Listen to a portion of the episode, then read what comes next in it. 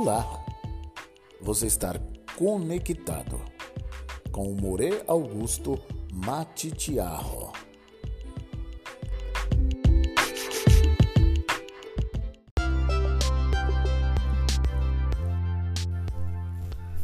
Muito bem, amigos, que o Eterno abençoe a todos.